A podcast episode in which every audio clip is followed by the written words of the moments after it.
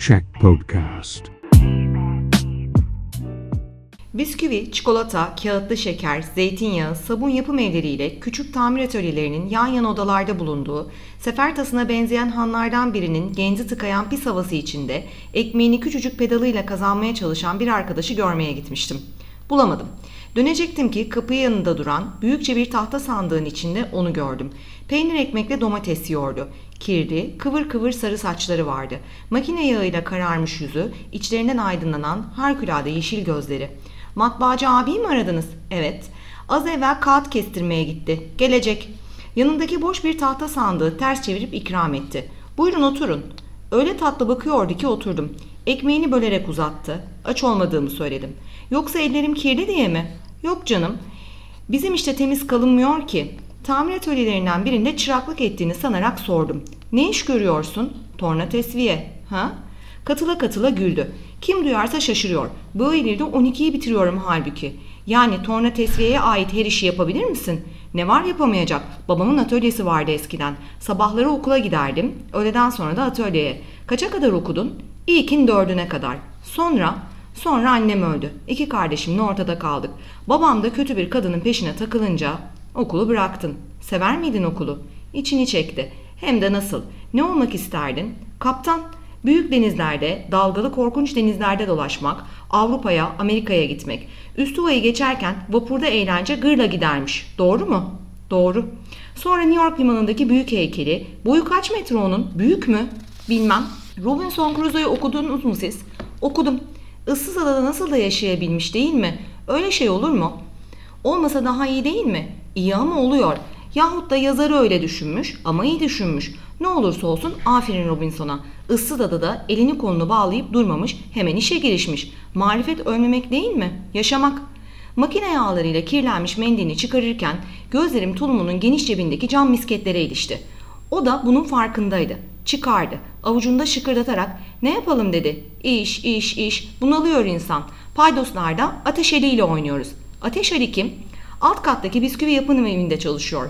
Bizim mahalleli. Her sabah işe birlikte geliriz. Benim annem yok, onun babası. Maça, sinemaya falan da beraber gideriz. Misketi mi çok seviyorsun, sinemayı mı yoksa maçı mı? En çok maçı ama hava alıyoruz. Niye? Numaralı türbin bize göre değil. Tekliği toka ettik mi Teksas'a bırakıyorlar. Teksas'ta da boyumuz yetişmiyor. Stadyumu yaparken çocukları düşünmemişler.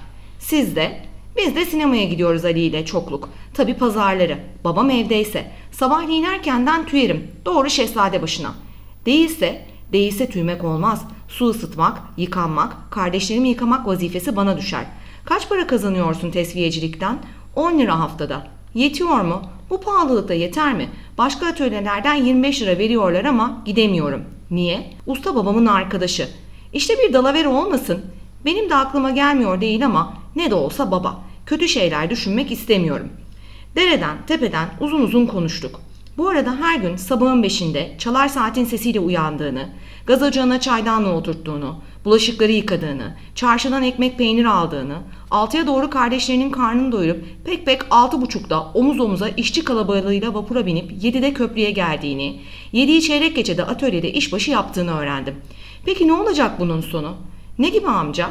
Mesela bir imkan çıksa karşına, tekrardan okula gidip sonunda da kaptan olmak ister miydin? Peşin gözleri sevinçle parladı. Sonra sönükleşerek bir noktaya takıldı kaldı. Ha, ister miydin?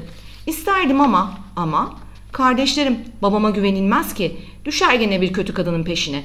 İçimde bir damar sızladı. Benden geçti. Kardeşim okuyor.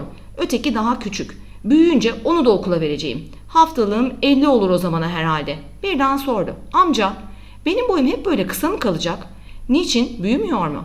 Annem ölmeden evvel duvara kurşun kalemiyle çizmiştim. Ölçüyorum. Hala aynı yerde. Yoksa cüce mi kalacağım? Dudaklarımdan çıkacak cevabı heyecanla bekliyordu ki makine şakırtaları yüklü sıcak koridorun kirli aydınlığında iri yarı biri belirdi. Ayhan! Onun da üstü başı, eli yüzü kirpas içindeydi. Çocuk sandıktan fırladı. Hala karnını doyurmadın mı? Doyurdum. Doyurduysan git borulara diş aç. Peki usta. Beni unutmuştu bile. Koridorun kirli aydınlığında koşarak uzaklaştı. Dipteki atölyeden içeri girdi. Peşinden gittim. Atölye penceresinin kenarından heyecanla seyrettim. Boyu yetişmediği için ters çevrilmiş bir tahta sandığın üzerinde idare ediyordu makineyi.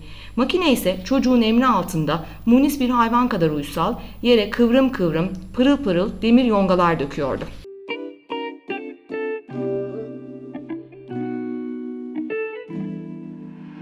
Check Podcast.